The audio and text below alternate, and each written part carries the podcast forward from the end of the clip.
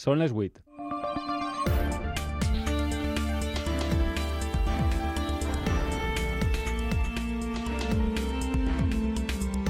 A punt. Les notícies de la nit.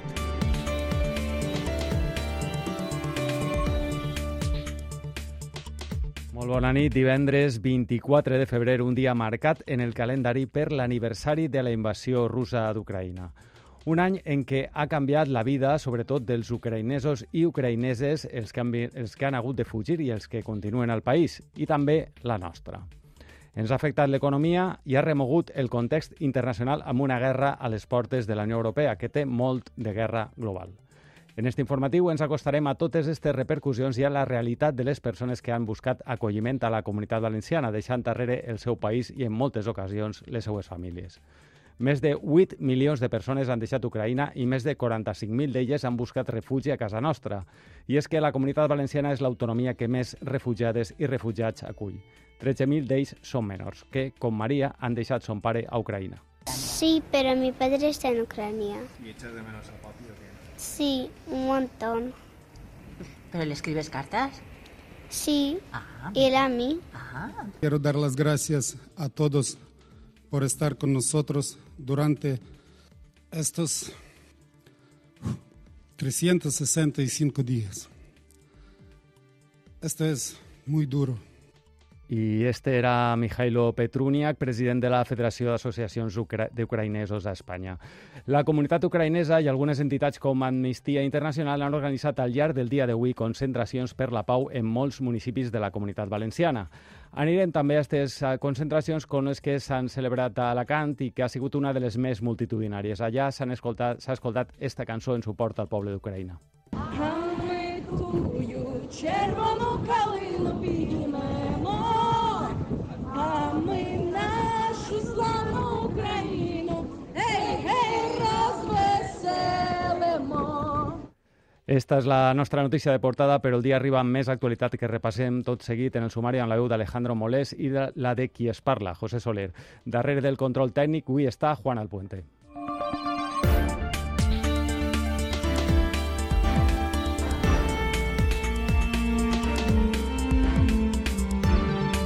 Detinguts dos homes armats a l'Hospital La Fe de València, dos germans que volien atacar el personal mèdic al qual acusaven de la mort de son pare. L'any 2021 es van presentar més de 600 denúncies per agressions a metges a tot l'Estat. L'Hospital La Fe de València ha sigut l'escenari de l'últim episodi violent. Més de la meitat de les agressions es produeixen en atenció primària. També són punts conflictius els serveis d'urgències dels hospitals i el SAMU. Amparo Asensio, de la Federació Sanitat de la UGT del País Valencià. Los trabajadores están sensibles con el tema y lo notifican. Evidentemente sí que han subido las agresiones verbales, sobre todo a raíz después de la pandemia y en atención primaria fundamentalmente. El govern de Cambodja ha confirmat la mort d'una xiqueta d'11 anys per grip aviària. És la primera mort per este virus des que la malaltia s'ha expandit en els últims mesos per tot el món. Les veus expertes asseguren que no hi ha motius per alarmar-se, ja que no existeixen casos de transmissió entre humans. I Delfonso Hernández és catedràtic de Salut Pública en la Universitat Miguel Hernández. Fins ara no fan, no fan eh, reportat casos eh, de transmissió entre humans. I en els esports comencem parlant de la Copa del Rei de Vòlei. Eh, Amparo Salmerón, bona nit. Bona nit, el conqueridor València ha tingut molt a prop les semifinals de la Copa del Rei. Ha perdut contra el Terol en un partit molt igualat a 5 sets. L'últim set ha perdut 30 a 28 després d'haver tingut 8 boles de partit. El jugador Sento Montfort ha fet este balanç. Eh, cualquiera de los dos podía haber ganado. Cuando hemos tenido nuestras oportunidades, igual que las, tenido, las ha tenido ellos, ellos han sabido, pues al final han tenido que cerrar. Cuando perdonas tanto como, como hemos perdonado para haber, haber cerrado un par de puntos, una lástima caer así porque hemos estado a un paso de meternos en una semifinal histórica. Avui és una jornada intensa pel que fa a la competició esportiva dels equips de la Comunitat Valenciana. A les 8 i mitja arranca la Fonteta la jornada 25 d'Eurolliga de bàsquet. El València Bàsquet s'enfronta al líder, l'Olimpiakos. Els taronja no han guanyat mai al conjunt grec a la Fonteta. Els d'Àlex Mumbrú volen reeditar la victòria del partit d'anada per aferrar-se a la zona de play-off. I a les 9 menys quart hi ha partit de futbol sala entre el Llevant, l'últim classificat, i el Betis, que se situa a la mitja taula. Al Martínez Valero s'inaugura avui la jornada 23 de primera divisió de futbol.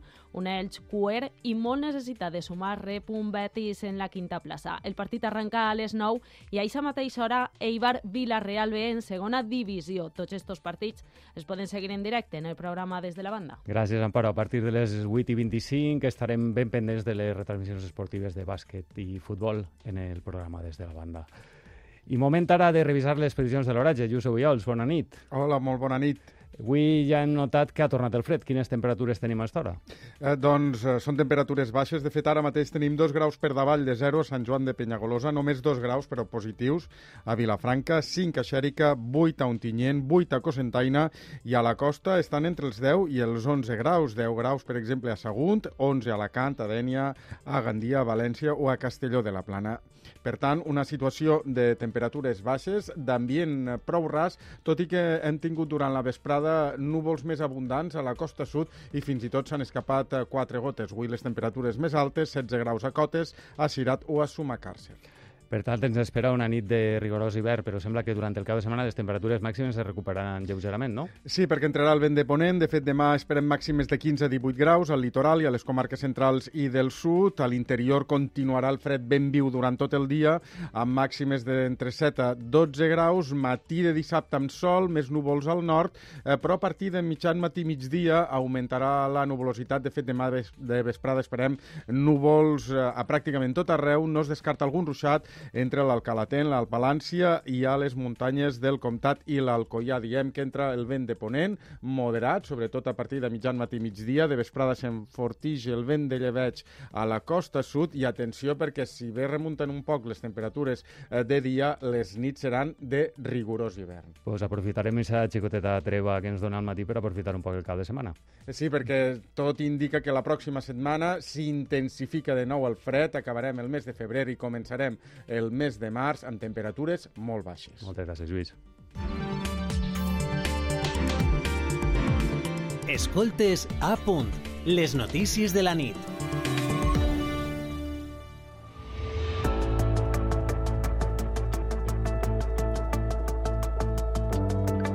I quan són les 8 i 7 minuts anem ja amb el tema de portada d'avui, l'aniversari de la guerra d'Ucraïna, un conflicte que cada dia esdevé més global.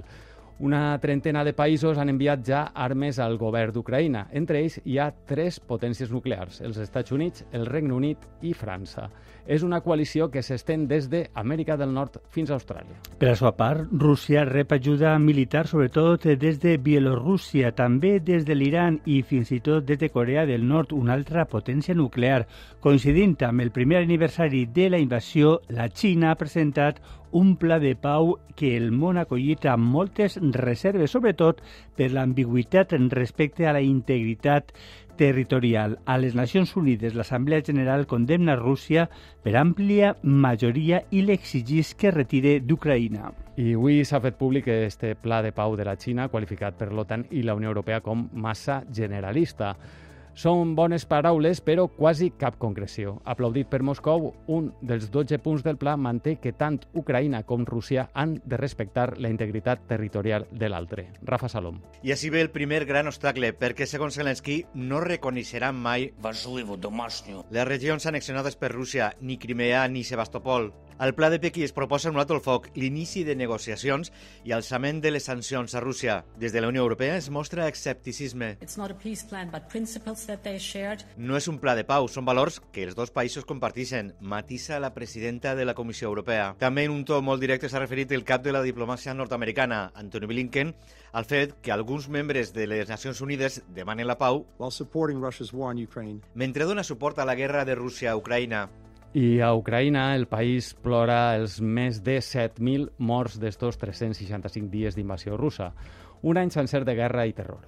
Els recordatoris i homenatges s'han estès per tot el país. L'aniversari ha coincidit amb un moment molt esperat. Polònia ha entregat els primers tancs Leopard a l'exèrcit ucraïnès. Una crònica d'Arturo Monedero. Qui fa recordat els milers de soldats caiguts en combat. Кожен і кожна. Estem orgullosos de vosaltres, deia Zelensky, que després atorgava els Premis Heroi d'Ucraïna. La nació sencera no ho oblidarà mai, assegura una dona que ha perdut el seu marit. El tambor marcava un minut en memòria de totes les morts després d'un any de guerra. La jornada també ha estat marcada pel subministrament dels primers tancs a l'exèrcit ucraïnès. Vos portem quatre leopards perquè expulseu l'agressor rus tan prompte com siga possible, diu el primer ministre polonès. El seu homòleg suec ha confirmat que enviaran 10 carros de combat més, mentre que Dinamarca ha comunicat que no descarta proveir avions de caça, una arma que demana reiteradament l'executiu ucraïnès. L'any de guerra a Ucraïna s'ha deixat sentir als nostres carrers. A Alacant, un miler de persones entre cançons i banderes blaves i grogues han recorregut el centre de la ciutat darrere d'una pancarta amb el lema «La victòria d'Ucraïna és la victòria del món». 35.000 ucraïnesos, la majoria dones i menors, estan acollits al sud de la comunitat valenciana des que va començar la invasió. Així tenen molts vincles familiars. La manifestació a la qual ha assistit la subdelegada del govern, Araceli Poblador, ha acabat a la plaça de l'Ajuntament, on s'ha llegit un comunicat. Anna Eskalenko és presidenta de l'Associació d'Amics d'Ucraïna i organitzadora de la concentració. Importantísimo salir eh, precisamente en Alicante, porque en Alicante tenía la ciudad de la luz, donde acudía muchísima gente eh, que huyó de la guerra de Rusia en nuestro país y claro que la comunidad de ucranianos aquí es enorme. I esta vesprada també Amnistia Internacional ha convocat una concentració de protesta davant del Consolat de Rússia a València. Seguint l'estat, Adelaida Ferre, bona nit. Bona nit. Quan fa just d'un any de la invasió d'Ucraïna, Amnistia Internacional ha volgut recordar les víctimes civils del conflicte, en especial les del teatre de Mariupol. Amnistia Internacional ha exigit el respecte al dret internacional i la protecció també de la societat civil. També han denunciat que Rússia ha fet servir armament no permès i que moltes de les seues actuacions podrien considerar-se crims de guerra. Tot això en una concentració davant el Consolat de Rússia a València. Moltes gràcies, Adelaida. I dels milions de persones que han hagut de fugir del seu país per l'infern de la guerra, milers d'ells han anat arribant a la comunitat valenciana, com hem dit. Així, en este últim any se'ls ha ajudat amb programes d'assistència emocional, jurídica i laboral. En té més detalls, Joan Miquel Llopis. El 8 de maig m'escrivia amb el meu marit que estava al Donbass. De repent va deixar de contestar-me. Durant quatre dies vaig continuar escrivint sense tindre notícies d'ell. Una setmana després em van dir que havia mort al front. Svetlana és ucraïnesa i viu a Elx des que va fugir de la guerra. No té esperances de recuperar el cos del seu marit ni la seva vida al seu país, però està molt agraïda per l'acollida que li prestem a la comunitat valenciana. És una de les 30.700 persones que han arribat en un any així. D'este grup, de 9.000 són dones que han passat per un dels diversos centres de recepció de Creu Roja. Més de dos terços de les persones refugiades són dones, xiquetes i xiquets, persones majors i vulnerables. A totes se'ls ha facilitat programes per a cobrir necessitats bàsiques, assistència jurídica i emocional i també per a la integració. Carolina Espadas, coordinadora provincial de Creu Roja d'Alacant. Hay personas que ya saben que se van a tener que quedar aquí por una larga temporada, entonces hay que hacer proyectos de vida. Atendimos a la primera necesidad de desbloquear lo que era cierta incertidumbre y ahora me tengo que integrar. La immensa majoria estan a les comarques d'Alacant. Al centre de Ciutat de la Llum han atès 25.600 persones, de les quals 13.000 estan ja en procés d'acollida. I la xifra són 45.000 ucraïnesos i ucraïneses que han trobat a la comunitat valenciana la seva nova casa. Som la comunitat que més acull. Per a monitoritzar i optimitzar la integració dels nouvinguts, la Generalitat impulsarà una cimera amb entitats, ONGs i administracions públiques. El president de la Generalitat, el cònsol d'Ucraïna i la Federació d'Ucraïnesos a Espanya s'han reunit avui al Palau de la Generalitat. La comunitat valenciana tiene que estar preparada también para el transcurso de los próximos meses todo lo que finalmente dure la guerra. y acabar de resolver pues, esas necesidades pues, que todavía tiene la, la comunidad de refugiados. Quiero dar las gracias a todos por estar con nosotros durante estos 365 días. Esto es muy duro. I mentrestant continuen les diferències al si del govern espanyol pel suport armamentístic a Ucraïna. La ministra de Drets Socials, Ione Belarra, ha demanat posar el mateix esforç per la via de la pau i lamenta l'escalada bèl·lica. nos dijeron que no íbamos a mandar nunca material ofensivo. Después nos dijeron que sí, que había que mandar misiles antiaéreos, después que íbamos a mandar tanques, ahora que tenemos que mandar también cazas. ¿Qué es lo siguiente? Soldados españoles en Ucrania. Yo creo que es fundamental ponerle al menos tantos esfuerzos a la paz como algunos le están poniendo a la guerra. Estàs escoltant A Punt, les notícies de la nit. I a casa nostra, en política valenciana, el president del PP valencià, Carlos Mazón, ha demanat la destitució dels responsables polítics perquè per la línia 9 a la Candenia s'han comprat convois que pesen 63 tones quan els tres ponts que han de travessar-los travessar només en suporten 53. Alcaldes de la Marina Alta i Baixa han Mazón a la visita a un dels punts negres, el pont de l'Algar Altea. Y reconocer que con un Avespino desde eh, Denia hasta Alicante se llega antes que con el nuevo tren maravilloso y estupendo que ni existe ni puede pasar por las vías, merece una explicación. Merece ceses, merece destituciones, merece desde ya haber eh, otorgado la gratuidad a todos y cada uno de los usuarios del servicio hasta que esta eh, situación se solucione. I des de la Generalitat asseguren que s'està treballant per actualitzar aquestes infraestructures si s'acusa el PP d'haver mantingut la línia 9 oberta quan governaven tot i la falta de seguretat, ho assegura la consellera de Política Territorial i Obres Públiques, Rebeca Torro. És molt indignant que el Partit Popular parle de seguretat eh, de ferrocarrils quan tots tenim en la memòria l'accident de metro. I cal dir-ho clarament, el Partit Popular es va atrevir des d'aquest accident a nou anys després a mantindre precisament en la línia 9 una línia oberta que faltava, que no hi havia seguretat de ferrocarrils. I Ciutadans ha celebrat avui el primer comitè executiu nacional fora de Madrid i ho ha fet a la Marina de València. La nova líder nacional, Patricia Wasp, ha confirmat la creació d'una gestora Àrago. I en clau autonòmica donar suport als candidats a les alcaldies de Castelló, València i Alacant i també a Mamen Peris eh, com a candidat a la presidència de la Generalitat. Ciutadans continua reclamant la rebaixa del llistó electoral al 3% i Peris es presenta com a única alternativa al bipartidisme i amb la voluntat, ha dit, de ser decisiva para gobernar. Pero aquí hemos tenido un bipartidismo que unos a otros, uno en la sala de espera, el otro gobernando, y al revés, se van alternando, pero no hay una verdadera alternativa. La alternativa, vamos a ser ciudadanos, de verdad, creéroslo. Estoy convencida que vamos a ser decisivos. A punt, les notícies de la nit. I canviem de bloc i us expliquem que l'any 2021 es van presentar més de 600 denúncies per agressions a metges a tot l'Estat. L'Hospital La Fe de València ha sigut l'escenari de l'últim episodi violent. Dos germans que pretenien atacar el personal mèdic al qual acusaven de la mort de son pare. Si José, la Policia Nacional va detindre dos germans de 30 i 35 anys a les portes d'urgències. Un d'ells anava armat amb un ganivet i una pistola que després va resultar de balins. Amenaçaven de matar els metges perquè deien havien assassinat son pare. Però este episodi no és aïllat. S'han incrementat les denúncies per agressions i amenaces. Amparo Asensio és de la Federació de Sanitat de la UGT. Los trabajadores están sensibles con el tema y lo notifican. Evidentemente sí que han subido las agresiones verbales, sobre todo a raíz después de la pandemia y en atención primaria fundamentalmente. Agressions i amenaces com esta que ens relatava un metge del Centre de Salud de Callosa el novembre del 2021. Me he quedado con tu nombre, Gustavo, ya lo sé. Eh, cuídate, estás muerto. Les agressions al personal sanitari són recurrents i els motius també.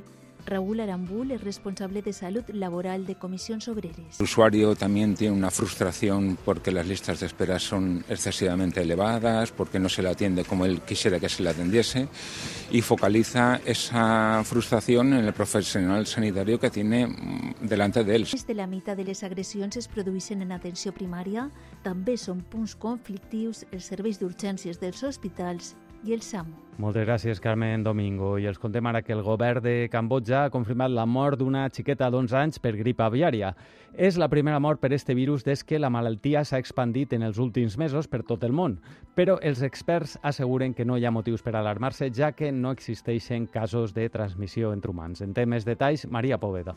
La grip aviària és una malaltia que els animals poden transmetre als humans, encara que no és molt habitual. Tampoc els produïsca la mort. Òscar Zurriaga és el president de la Societat Espanyola d'Epidemiologia. En alguna ocasió tenen la gravetat com este que, que hem viscut, però també hem viscut altres que no és, no és el cas. En els últims mesos, els casos en animals s'han multiplicat per tot el món, però els experts fan una crida a la tranquil·litat.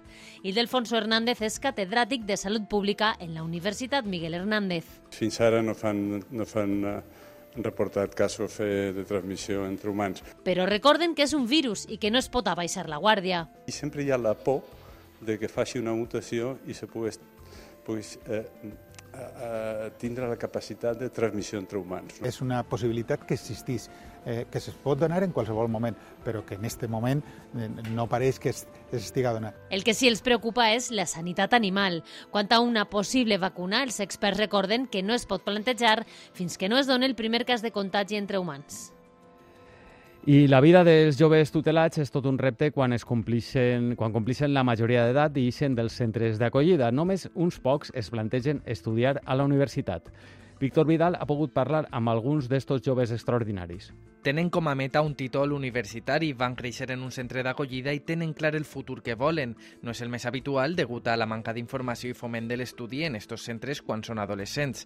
Escoltem Christopher Simons, que estudia segon de batxiller, i Belén Creix, estudianta del grau d'Educació Infantil. No conozco yo personalmente a nadie que haya llegado hasta bachiller en mi centro de acogida. Estudiar en un ambiente así no para todos és fàcil. És molt difícil el tindre aquesta edat de 7-18 anys i en totes les coses noves que et venen, saber també tindre pues, aquest interès per l'àmbit acadèmic, perquè és l'últim que te preocupa. Compartixen les vivències en les jornades que se celebren a la Universitat Politècnica de València sobre l'itinerari dels joves tutelats i estudelats a les universitats. Vicent Cabedo és director de la Càtedra d'Infància i Adolescència de l'UPB. En el curs actual només hi haurien tres que estarien estudiant a les universitats i de cara a l'any que ve poden haver com a molt nou persones. Autèntiques lliçons de vida on altres joves tutelats tinguen un espill on mirar-se.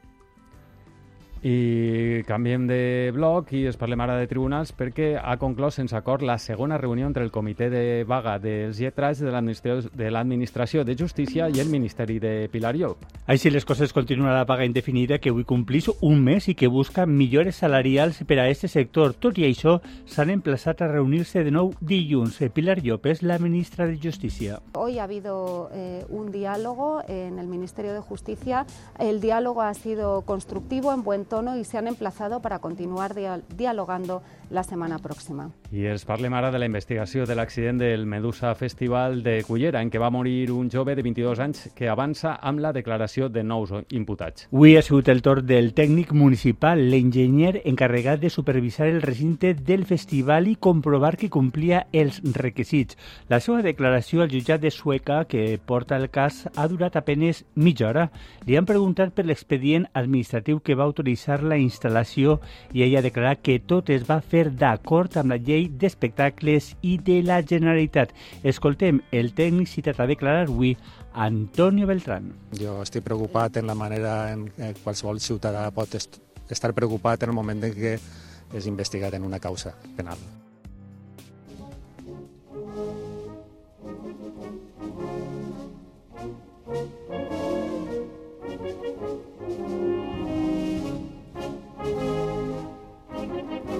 I en l'apartat cultural, l'Estora del Mont Faller es dona cita en la, en la gal, Gran Gala Fallera del 2023. L'acte reuneix els màxims representants de la Festa de València i és un abans del cap de setmana faller que té el punt neuràlgic en la crida del diumenge. El punt de trobada, Yolanda Sanz, en directe, torna a ser Fira València. Si este recinte torna a vestir-se de falles, una gala en la que es penja el cartell de complet i en la que assisteixen els màxims representants de les falles de València, en total unes 2.000 persones. Un dels actes més esperats en el sopar és el brindis, un brindis molt emotiu, del que Laura Mengó desitjarà bones falles a tots i a totes. La festa continuarà fins a la matinada i serà l'orquestra Monte Carlo la que posa el colofó final a este sopar de Germanor i a una nit inoblidable.